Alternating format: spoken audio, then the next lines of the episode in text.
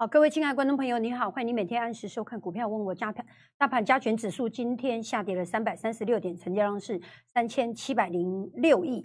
好，那么请大家呢，第一个进来呢，先按赞，因为这是对于这个频道的基本礼貌，这是我对你的基本要求。因为你能够活到现在，我相信一定有阿霞的功劳。好，那今天的通关密语叫做“我平安，我活着”，谢谢阿霞。我平安，我活着，谢谢阿霞。那么，如果您是在这个节目的直播之后，那么才有办法看到节目的，那请大家留言“我平安，我活着”，谢谢阿霞。这就是我做这个节目的最大安慰。好，那么你现在所看到加权指数今天下跌三百三十六点，成交量是三千七百零六亿。好，首先呢，你知道医生呢，呃，在诊断一个患者细亚呗，你知道他会先做三个检查。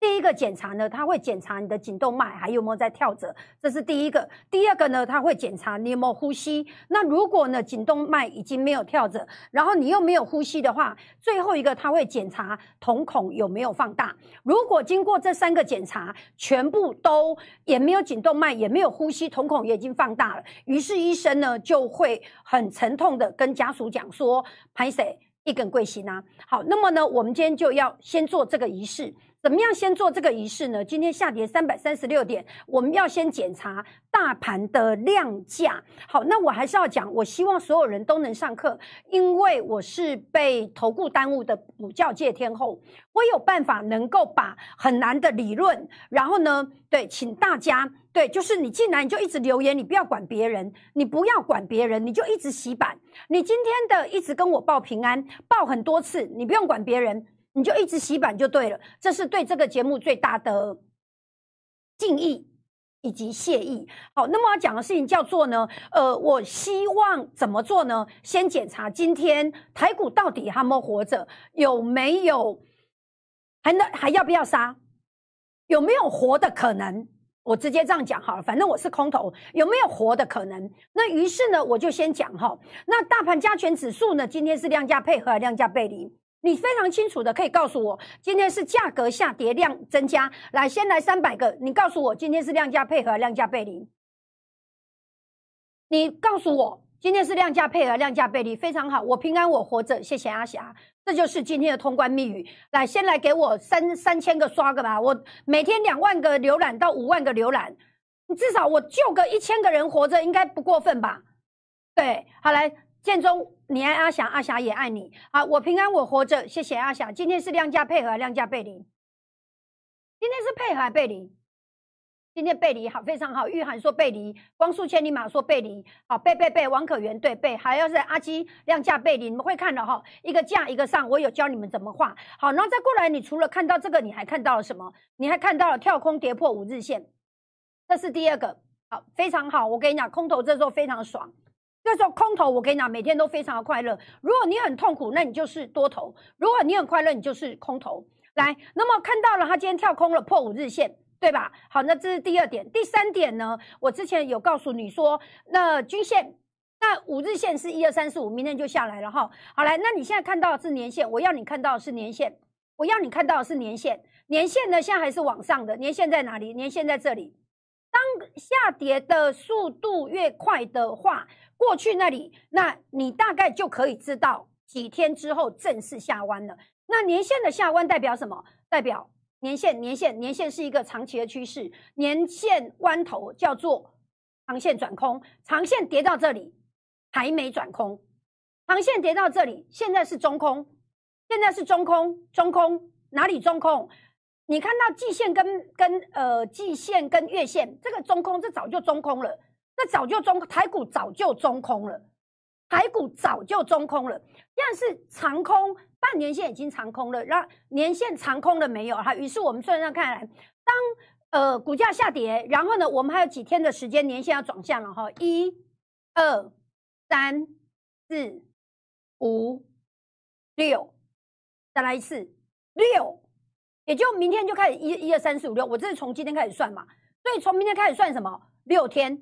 年限就转向了，也就是说呢，所有的均线全部都空头排列，这是第三点。我刚刚讲了三点了。好，第四点呢，你现在所看到有一个叫做均价二十，这什么意思？这是呢，俄乌战争到目前为止开打二十天。如果你因为战争而买进的人，你的成本大概在这里，成本在哪里？一七六七六，现在的指数是一七九二六。所以各位亲爱的观众朋友，已经套牢了多少？已经套牢了七百点到八百点了。换句话讲，这个战争是不能够买进的。对，那当初的科斯托兰尼，或者是现在的华伦巴菲特，他们买进的也不是股票，他们买进的是什么？他们当初买的是石油跟跟。跟金银铜铁，跟那些东西，好，可是问题是呢，你在台湾买航运、买钢铁有用吗？好，于是我们先开始来看哈，你现在所看到的，随便看几个东西，先看，先直接看看好的股票好了。你现在所看到，我们不要看外资哈，我们看我们自己的线就好。你现在所看到的是南电，你现在所看到是南电，南电今天一根杀下来，然后到这里有没有带量杀？有带量杀哈。你现在所看到这是锦硕，好，那所以看完这些之后，你再告诉我多头是活着还是死？你现在所看到的是锦硕，好，下跌十六块了哈。好，那我们再来看看台积电，台积电呢今天这么大一个跳空，好，那个来了，来各位亲爱的，请问谁愿意帮我见证？对，然后呢，我是卖在这里。这这这是真的。然后呢，我从这里开始的时候，告诉你说这里进入台积电的主跌段。我再重新说一次，今天呢多头会没有办法安慰你，因为他自己都安慰不了自己了。各位，你赶快杀！我已经发出了三个劝杀令了，这里要不要杀？这里当然应该要杀，因为台积电的未来就是台股指数的未来。我在这里的时候，我说这是初跌段，我说这里是主跌段。为什么这里是主跌段？因为它有连续四个跳空缺口，只有主跌段的初跌段的第一段才会有四个跳空缺口。那时候我节目有讲，我节目有讲，然后它就开始进入破弹。那这个主跌段看起来是像延伸到这里啊，看起来像延伸到这里。请问谁愿意帮我见证？来，先来三百个见证。今天你能够平安，你能够活着，你应该最感谢的人什么？谢谢阿霞。所以我今天要求你留言不过分，我今天要求你给我洗版不过分。你的洗版你只要讲一个，我平安，我活着，我活着，我平安。谢谢阿霞，这样就够了。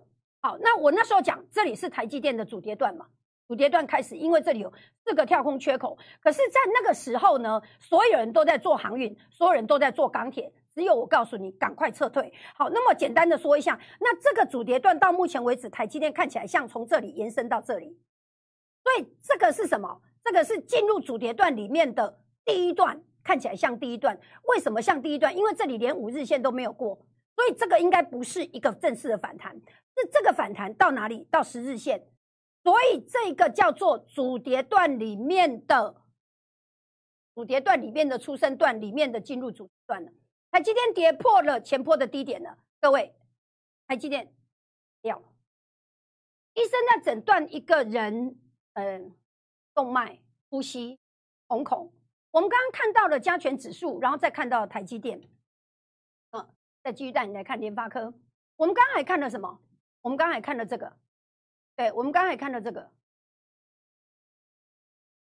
这个够上够上，你也当看不？啊，跨天的二六零三号啊，跨天二六零三，这是你唯唯一多头的希望，这是你唯一多头的希望。看，资源我在三百零五块加空，这是真的，这是真的。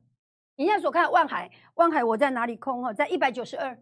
那一百七十二不补空单不用补，都到最后一天。对我要特别讲一下，所有做股票的人呢，我是做股票起家的，我做股票起家的。那么我告诉你，做股票有一个到目前为止，我发觉跟指数最大不一样的地方是在于，我跟你讲，指数，哎，指数呢，你没有借券的问题，也没有最后回补日的问题。可是南电，例如说，我举个例子，我告诉，我告诉你，我南电空在这一天，这一天的这一天，对，三月一号应该没有错哈。对，没错。哎，我对不起，我空在三月三号哈，日期我空到最高点哈。OK，好来，我空在它的一哎南电的五百二，二月十，看一下，我我空的很早了，等在二月十一号，就是这是真的哈，二月十一号在这里，我我都我拍着我底下的拉康啊哦，这是真的，这是真的。然后在这里再加空，我在这里就空了，我在这里再加空一次。这里再加空一次，到目前为止空单不补。那我的客户告诉我，阿霞融券会有一个很大问题，叫做我的券商没有券，对，没有那个券你就没办法放。你看空，你看对了，你也赚不到。还有再过来，你要放十张，它券只有五张，你只能放五张。可是指数就没有这个问题，指数完全没有这个问题，这是指数最大的好处，这是指数最大的好处。所以我希望我所有的股票会员，你们全部转到指数。我讲的是真的，我你你所谓的贝塔风险系数那些，我用口述来跟你确认，这样就好了，这样可以了解我意思吗？好，于是开始来，我们今天的节目解到这里，我等一下再回来带你看股票。那么昨天我们导播讲说，我应该让你们问一下你想问的股票。各位亲爱的，我现在不让你问，是因为我的主张，所有的股票都应该要杀。各位，我再重新的说一次，我认为这时候股票没有什么好问的，不是我不让你问。我的节目名称叫股票问我，你股票可以问我没有问题，你到赖里面问我。可是现在为什么我不让你问，或我节目我解解盘都来不及了？为什么？因为我的主张是所有的股票都应该杀，所有的股票，我讲所有的股票，包括什么？包括台积电，我再重新说一次，包括什么？包括联发科，包括什么？你看到这个 K 图，你没有感觉吗？创下了收盘新低，创下了收盘新低。有没有看到创下收盘新低？再随便看几个，因为所以要怎么问？不用问，不用问。我的主张是所有的股票都应该要杀。为什么？因为在俄乌战争的背后叫做升息，所以它是双重的利空。好，等一下再来解这个。你现在所看到的我们的缩图，这是我三月九号的缩图。那那天大涨四百一十七点，我说这是标标准准的空头市场的反反弹没有量。是真的，这是真的哈，这是标标准准的反弹没有量。这三月九号，好来，那么三月十号呢？我就说反弹是人道走廊，反弹就是人道走廊。所以你找到人道走廊，多头要快快离去，所以能走快走。对，然后呢，即将长空，即将长空指的什么？年线要转向了，所以反弹接卖点，反弹接逃命。这是在三月十号，你们看我的频道里面都有，对，就是那个缩图啊。对，然后呢？这是什么？三月十四号，今天三月十五号，这是昨天的。好来，OK，这是昨天的标题。昨天的标题叫什么呢？危机入市不是看到危机就冲进去。我要讲一件事情哦，因为我发觉很多分析师呢，他就跟你讲，你看这重大危机，所以呢，我们来一个危机入市，拎拎卡赫哎。所以我的意思就是说，我我就要解这一个危机入市不是看到危机就冲进去。为什么？因为看到危机就冲进去，亲。亲爱的，那个叫送死，你可以上戏。所以危机入市不是看到危机就冲进去，要看到什么有危机出现底部，你才可以入市，这个才叫做危机入市。各位，黑茶得引价茶盖贼。所以呢，危机入市不是看到危机就冲进去哦。你知道我意思吗？战争开打的那一刻，我们带我会员抢一个反弹，有赚了五百点，我们跑掉了。然后呢，沿路空空空空空。空高都是空，为什么？因为在我的眼中，这里是要长空的开始，在我的眼中是空头市场开始。那年线转向是一个长空的确认，它是一个确认，确认我对不对？如果它转向了，那是我对，就这样，它是一个确认。可是操作我等到已经转向了，我才翻空，那多头已经死一片了。所以我不是一般的投顾老师，我要讲的这个节目呢，我希望你帮我分享。对，然后呢？我昨天好多好多人来索取，对，啊，你就讲三万粉一百分，对，通关密语我就会把我怎么做指数的，我准备了二十张精美的 PPT，那那个档案我直接用 Line 就拉给你，李专用 Line 就拉给你了，这样可以可以了解我意思吗？好，那我要讲的事情叫做非常的简单，这是在今天下跌三百三十六点之前的昨天。我是危机入市的专家，为什么？因为呢，我利用每一次的危机入市，我买了非常多我这辈子想要买的，而且我都用非常便宜的价格。可是要什么？要出现底部，再来一次，要出现底部。那么我今天你一定问我说：“啊哈，的沙巴上在哪店嘛？还要走吗？”亲爱的，你赶快走，因为呢，台积电，因为呢，台积电才刚进入主跌段里面的。初跌段的反弹结束，才刚破底，所以今天是确认它要进入主跌段的主跌段，因为它是要确认它进入主跌段的主跌段。OK，看到了哈，都很清楚了哈，我的态度非常清楚，你还是要走，因为底部在很深的地方，所以呢，有危机才可以什么，才可以入市？错，有危机出现底部才可以入市。这个礼拜五呢，我自己非常的骄傲，我要讲一下哈。那外厉害不是一个面向厉害，我不是一个面向厉害，所以我我不是一个，例如说我只会靠一条均线，我只会靠一个扣减，或是我只会靠一个量价，没有，我可以从最，我可以从各方面，我不只是靠那些，我形态、量价、经济成长率、产业架构。外资筹码，我会全部帮你解析。那这个题目呢，不是给套牢的人，我用来安慰你的。你一定要知道哈，因为我干嘛底价板对前 K 哦，因为底部是还没看到，底部还没看到，底价板对前 K 底部还没看到。